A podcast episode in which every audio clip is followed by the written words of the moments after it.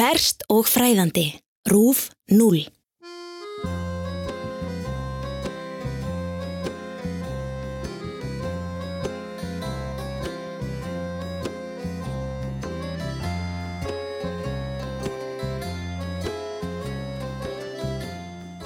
Heitur og sólríkur sumardagur er að kvöldi komin í Glenelg, fáförnum strandbæ í útjæðri Adelaide í söður hluta Ástralíu.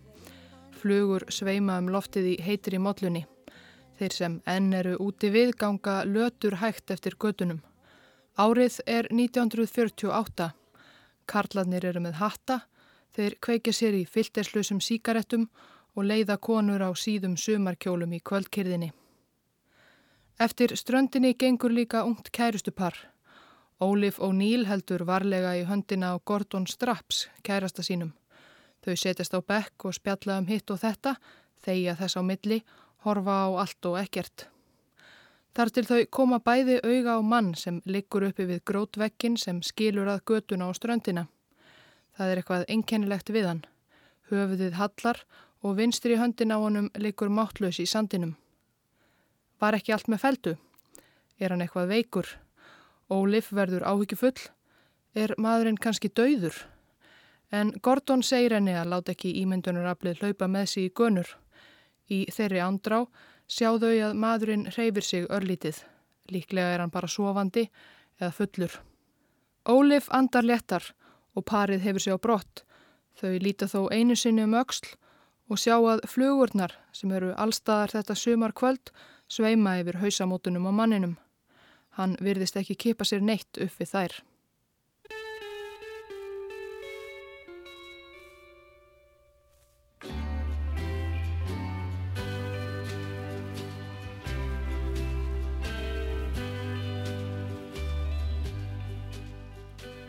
Snemma morgunin eftir, þann 1. desember 1948, hjælt maður nokkur niður á ströndina. Hann var vanur að fá sér sundsbretti í hlýju hafinu fyrir vinnu og var því snemma í því. Klukkan var ekki um hálf sjö.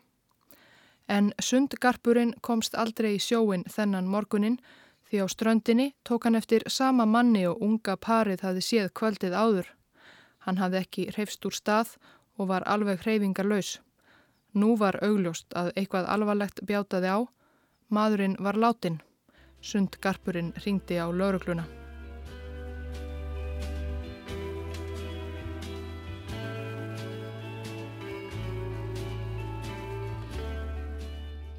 Það kemur því miður fyrir allstæðar, jafnvel í friðsælum strandbæjum eins og Glenelg, að fólk finnst látið úti á víðavangi af einni eða annari ástæðu. Lauruglumenn bæjarins, þegar þeir mættu á vakt þennan morgun og fréttu að lík Karlmanns hefði fundist á ströndinni, þeir hafa kannski fyrst hugsað að þetta væri flækingur eða eina fyllibittum bæjarins sem hefði loknast þarna út af, eða jafnvel einn af ráðsettari bæjarbúum sem hefði fengið sér einum og mikið neðan í því þessa sumarnótt með hræðilegum afleiðingum. Þá gatt auðvitað ekki grunað að þeir væru að hefja rannsókn á einu dular fylsta sakamáli í sögu Ástralíu, máli sem nestum sjö áratugum síðar þið enn óupplýst og við sögu kemi meðal annars ferðataska í hólfi á lestarstöð, dullmál og forn persnesk ljóðabók. Lauruglumadurinn sem kom fyrstur á vettvang sá engin ummerki um átök ni annað sem gætt talist grunnsamlegt. Madurinn láð þarna friðsætli í lokninu. Hálf reykt síkaretta lág á hægri flipanum á frakkakraganum eins og hún hefði verið síðasta síkaretta mannsins um æfina. Önnur síkaretta lág svo klemt á bakvið hægra eirað. Hanna komst hann aldrei til að reykja.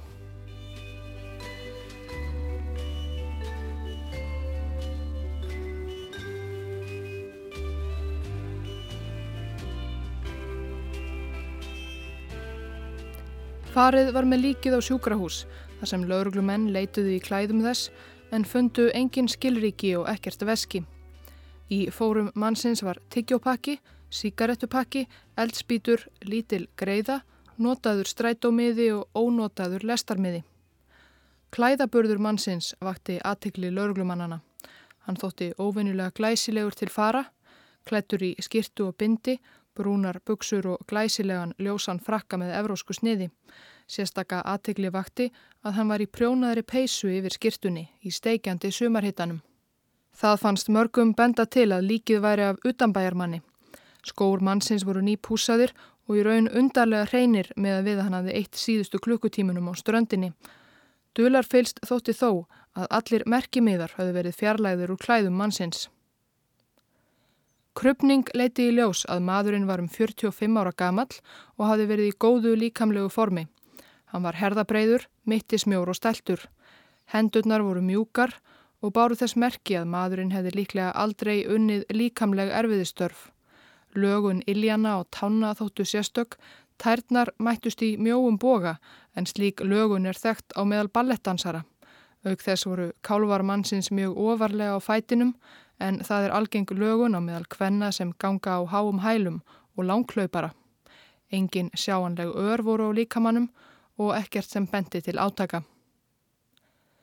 Mikilvægasta uppgötun krupningarinnar var gerð eftir skoðun á inniblum sem síndu að maðurinn hafði ekki dáið af náttúrulegum orsökum. Mægi, nýru, lifur og lungu voru yfirfull af blóði.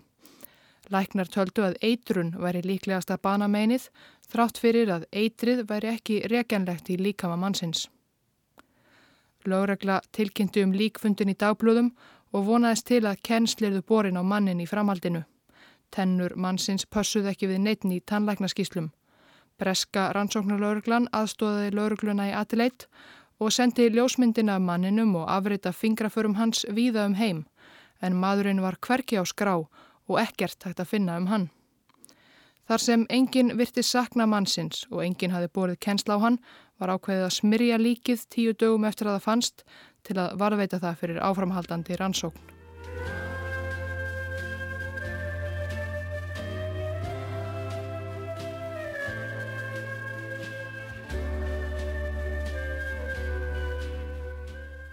Jú, örfáir koma á lauruglustöðuna og þóttust kannast við hinn látna. Einhverjir komu og sögðu að hann hefði verið 63 ára gammal skóarhóksmaður að nafni Robert Walls. En nei, það var dreyið tilbaka. Þetta var alls ekki hann. Einn saðist hafa unnið með manni sem líktist innum látna á gufuskipi. En nei, það gætt svo heldur ekki verið. Láreglan var því ráðfróta í janúar 1949, mánuði eftir að líkið fannst á ströndinni. En þá dró loksins til tíðinda.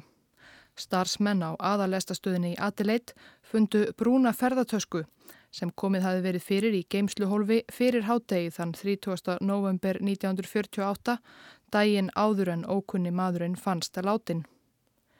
Miðar höfðu verið ripnir af töskunni, rétt eins og að fötum hins látna. Í töskunni voru fött, frakki, rakvél og ímis verkfæri, skrúfjátn, þykkur pensill sem notaður er við stensla og kaupskipum, skæri og eldhúsnýfur sem hefði brindur niður í lítið og mjög oddkvast verkfæri. Allir merkimiðar höfðu verið ripnir af fötunum í töskunni á sama hátt. Hverki voru neinar áritanir að sjá nýja merki fyrir utan að nafnið T. Kín hafi verið skrifað á bindi og bara Kín á þvottapoka á nærból. Lögreglan hafði upp á sjómanni að nafni Tom Kín sem bjó í Adelaide en fljótt kom í ljós að líkið var ekki af honum og hann virtist ekkert tengjast málinu. Eftir fyrirspunnir lauruglunar kom ennfremur í ljós að einskis T. Kín var saknað í neinu enskumælandi landi í heiminum. Lauruglan taldi því að hver sá sem hefði rifið merkimiða af fötunum hefði viljandi skilið eftir merkið með nafninu Kín þar sem hinn látni tengdist þeim manni ekki neitt. Í raun kom ekkert í ljós í töskunni sem gætt komið laugluransókninni að gagni fyrir utan fínan frakka sem saumaður var með sérstökum hætti. Var það mat klæðskera í Adelaide að frakkin gæti ekki verið frá öðru landi en bandaríkunum og hefði verið sérsniðin á kaupandan og því keftur þar. Hinn látni hefði því einhver tíman verið í bandaríkunum. Lóreglan rannsakaði lestarferðir 30. november og áætlaði að hinn látni hefði komið á lestastöðina með næturlest frá Sydney eða Melbourne þann daginn. Hann hefði svo keift lestarmiða til strandbæjarins Henley en af einhverjum ástæðum ekki tekið lestina og farið með ferðartöskuna í geimsluhólfið. Síðan hefði hann tekið strætisvagn til Glenelg þar sem hann lest hálfum sólarhing síðar. En þessar nýju upplýsingar virtust þó ekki reyfa nokkuð við málinu.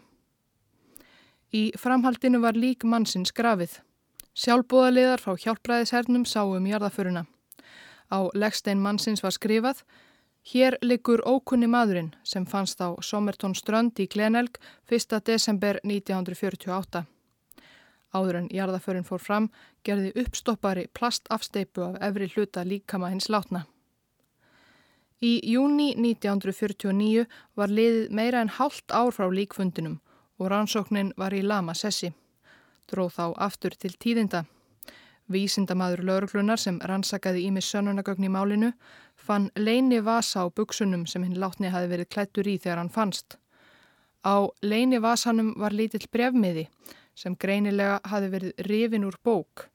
Á honum stóð Tamam Sjutt.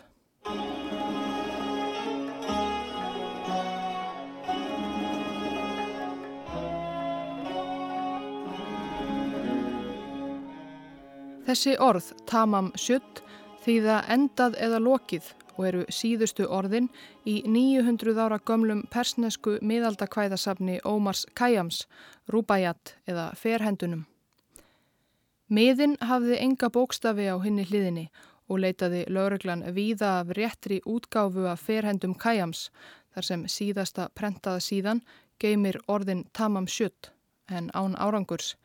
Í kjölfarið auglýsti lauruglan eftir bókinu um allt land með mynd af meðanum. Um leið gaf læknir sig fram við laurugluna og upplýsti að hann hefði fundið mjög sjaldgæfa gamla útgáfu af ferhendunum í framsætinu og bilnum sínum þann 30. november 1948 fyrir utan húsið sitt í Glenelg sem sagt daginn áður en huldumadurinn fannst látin í sama bæ. Læknirinn afhendi lauruglubókina og saðist ekkert hafa vitað af tengingu hennar við málið. Í bókina vantaði orðin Tamam Sjutt á síðustu blaðsíðuna og fullvisuður ansóknarmenn sig með smá sjá að brefmiðin sem hafi fundist í leini vasanum hafi verið rifin úr bókinni. Auk þess vantaði síðasta kvæðið í bókina sem hljóðar svo í íslenskri þýðingu Magnúsar Áskeirssonar.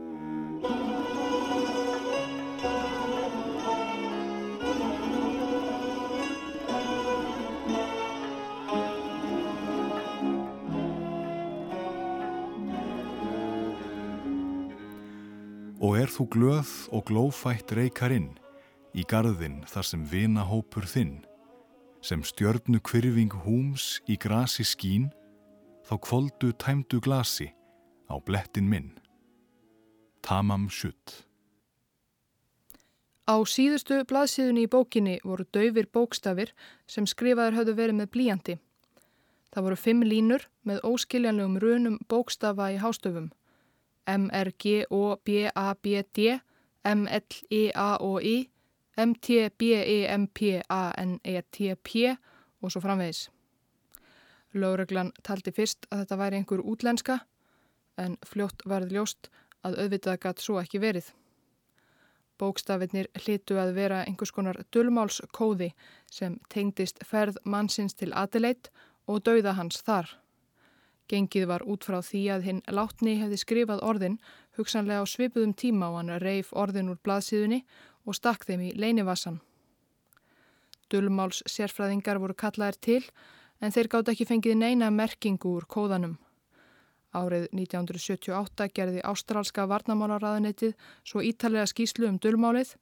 Niðurstaðan var að bókstafinnir væru ofáir til að hægt væri að ráða í minnstur þess.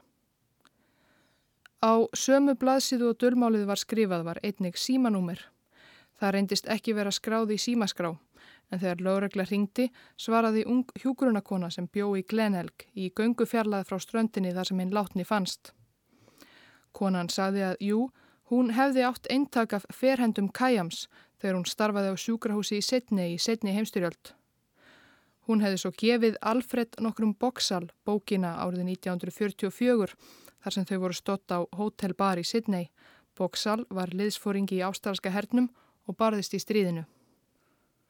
Hjúgrunakonan saðist hafa flutt frá Sydney eftir stríðslokk og gengið í hjónaband. Henni hefði borist bref frá Boksal en sagt honum að hún hefði kynst öðrum manni. Þau hefði aldrei hist niður rætt saman eftir það. Hún bætti við að dölarfullur maður hefði síðla árs 1948 gengið eftir gödunni hennar og spurt nágrana um hana. Lögreglan síndi konunni plast afsteipuna að finnum látna en hún gæti ekki staðfest að hún væri af Alfred Boksál, þrátt fyrir að andlit fallið væri ekki ósvipað. Lögreglumenninir glöttust. Þeir voru handvisir um að hinn látni væri Alfred þessi Boksál, en svo gleði var þeir einungis í stuttastund því Alfred Boksál reyndist vera á lífi í Sidney.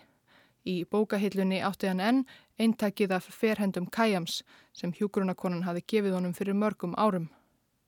Fremst í bókina var sjötugasta kvæði bókarinn að skrifað.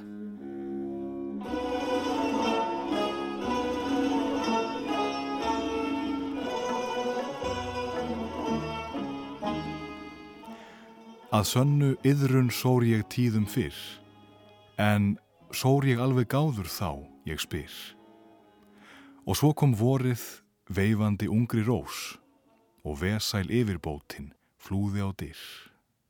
Fyrir neðan kvæðið var undirskriftin Jestin sem leit út fyrir að vera gælunafn eða dullnefni hjúgrunakonunar. Boksal gætt ekki útskýrt af hverju konan hefði gefið sér bókina og hvers vegna þetta kvæði hefði orðið fyrir valinu. Hjúgrunakonan baðum að vera hlýfti í fjölmiðlum því hún vildi ekki verða fórnarlamp nexlunar og fordóma vegna fyrri kynni sinna af Boksál og tengingu við líkfundin.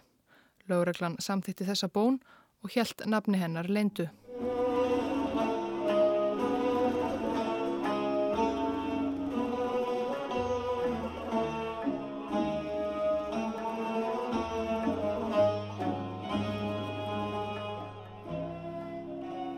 Allar götur síðan líkið fannst hann 1. desember 1948 hafa gengið sögur um að líkfundurinn tengdist alþjóðleiri njósnastarsemi á einhvern hátt. Enda minna margar staðrendir málsins kannski helst á söguþráð ævintýralegra spennusagna um njósnara kaldastriðsins. En það er kannski ekki alvittlust hugmynd. Árið 1978 gerði ástrálska sjónvarsstuðin ABC heimildar þáttum Tamam Sjutt málið. Sjónvarsmenn heimsóttu þá og meðal annars Alfred Boksal, hermannin sem átti eintaka ferhendum Kajams. Þegar sjónvarsmennir spurðu Boksal hvort hann hefði nokkuð verið njósnari í setni heimstyrjöld var svar hans loðið. Í tæplega 500 km fjallað frá Adelaide er lokað herstöðvarsvæði, Vúmera. Þar hafa ástralir, brettar og bandaríkja stundað leinilegar vopnaprófanir í ára tugi með eldflögar, flugskeiti og kjarnorkuvopn. Vúmera var einn leinilegasta herstöð bandamanna í kaldastriðinu. Í april 1947 komst upp að embætismenn í sovjíska sendiræðinu í Ástralíu hafðu á einhvern hátt komist yfir trúnaðar upplýsingar um herstöðina. Árið 1994 voru krupningaskíslur úr tamam sjuttmálinu rannsakaðar á nýjanleik til að skera úr um banamein hins látna en eins og komið hefur fram náðu læknar árið 1948 ekki að rekja eitrið sem líklega banaði honum.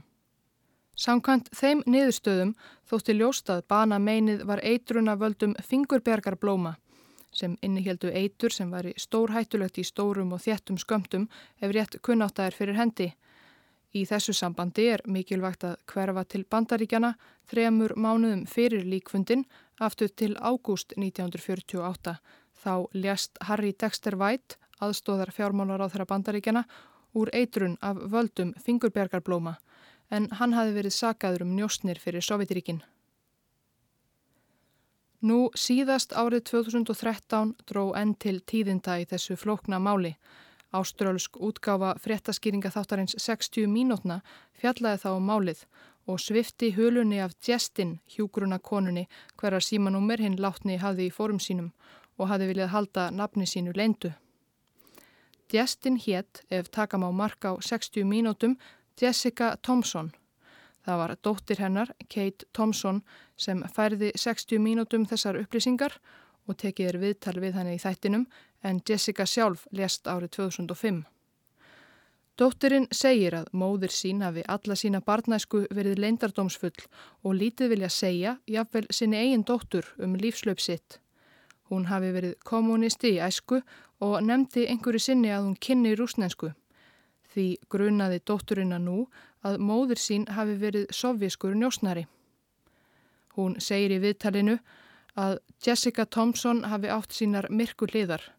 Hún hafi líklegast logið að lauruglunni um tengst sínu við tamam sjöttmálið og dóttirinn íjar að því að kannski hafi það verið hún, móðir hennar, sem myrti mannin á ströndinni í Glenelg.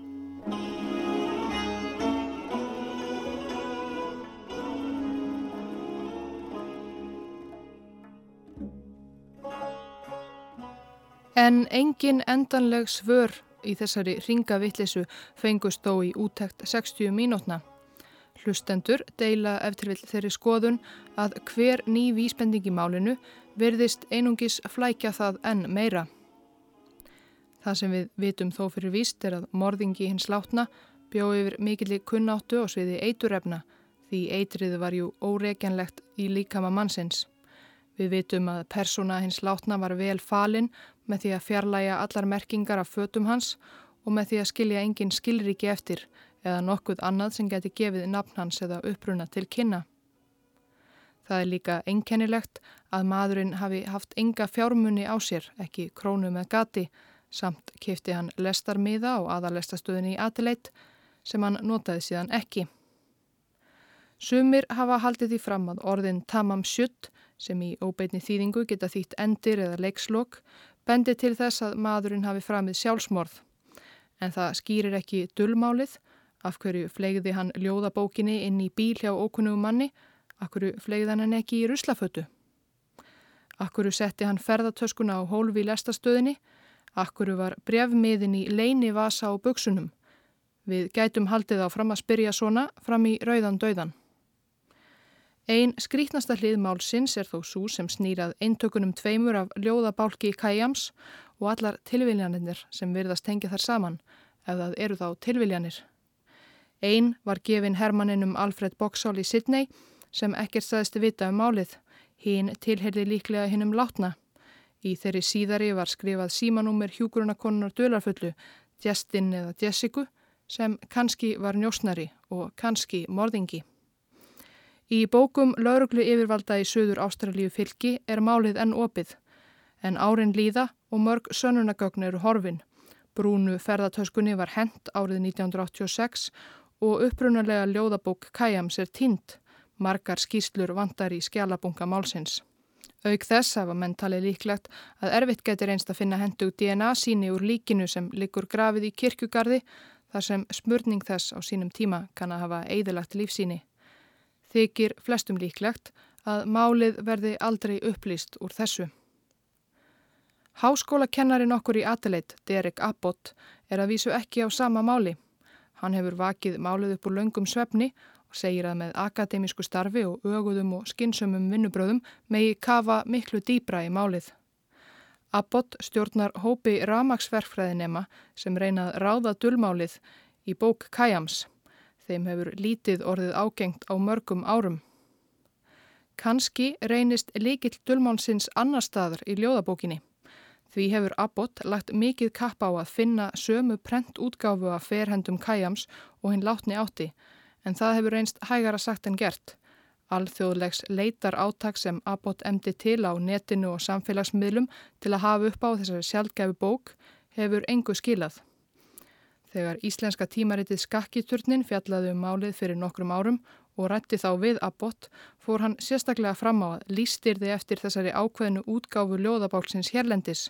Það er fyrsta útgáfa enskrar þýðingar Edvards Fitzgerald sem gefin var út hjá nýsjálenska forlæginu Wittkomben Tooms árið 1859. Skakkaturninum bárust engar ábendingar um bókina frá Íslandingum og Abbott ekki heldur.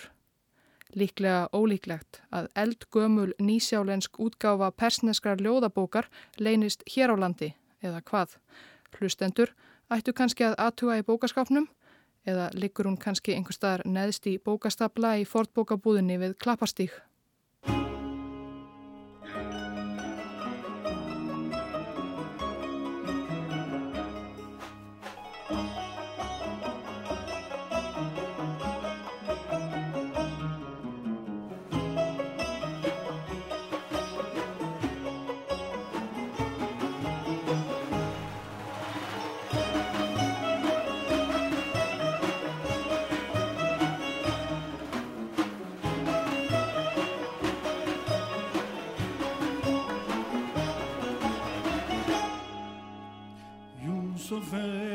گم گشته.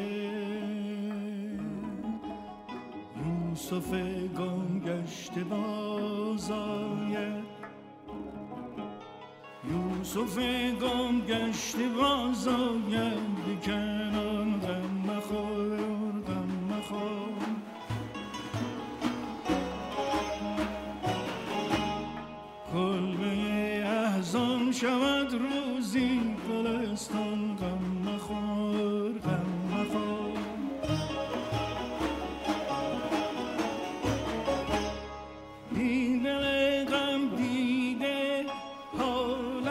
حالش به شود به شود دل بر نکن. این سر شوریده باز آید به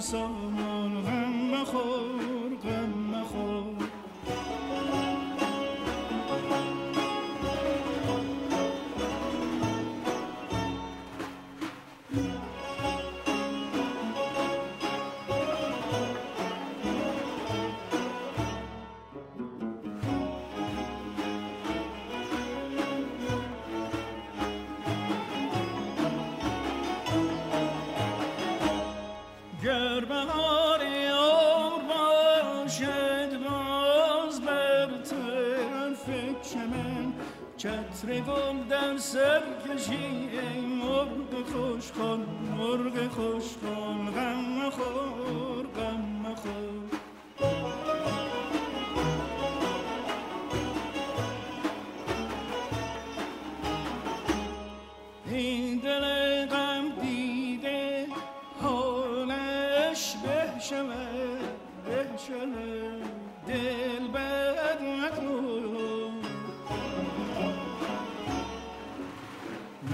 سر شورید بازاید به سامون غم نخور غم نخور.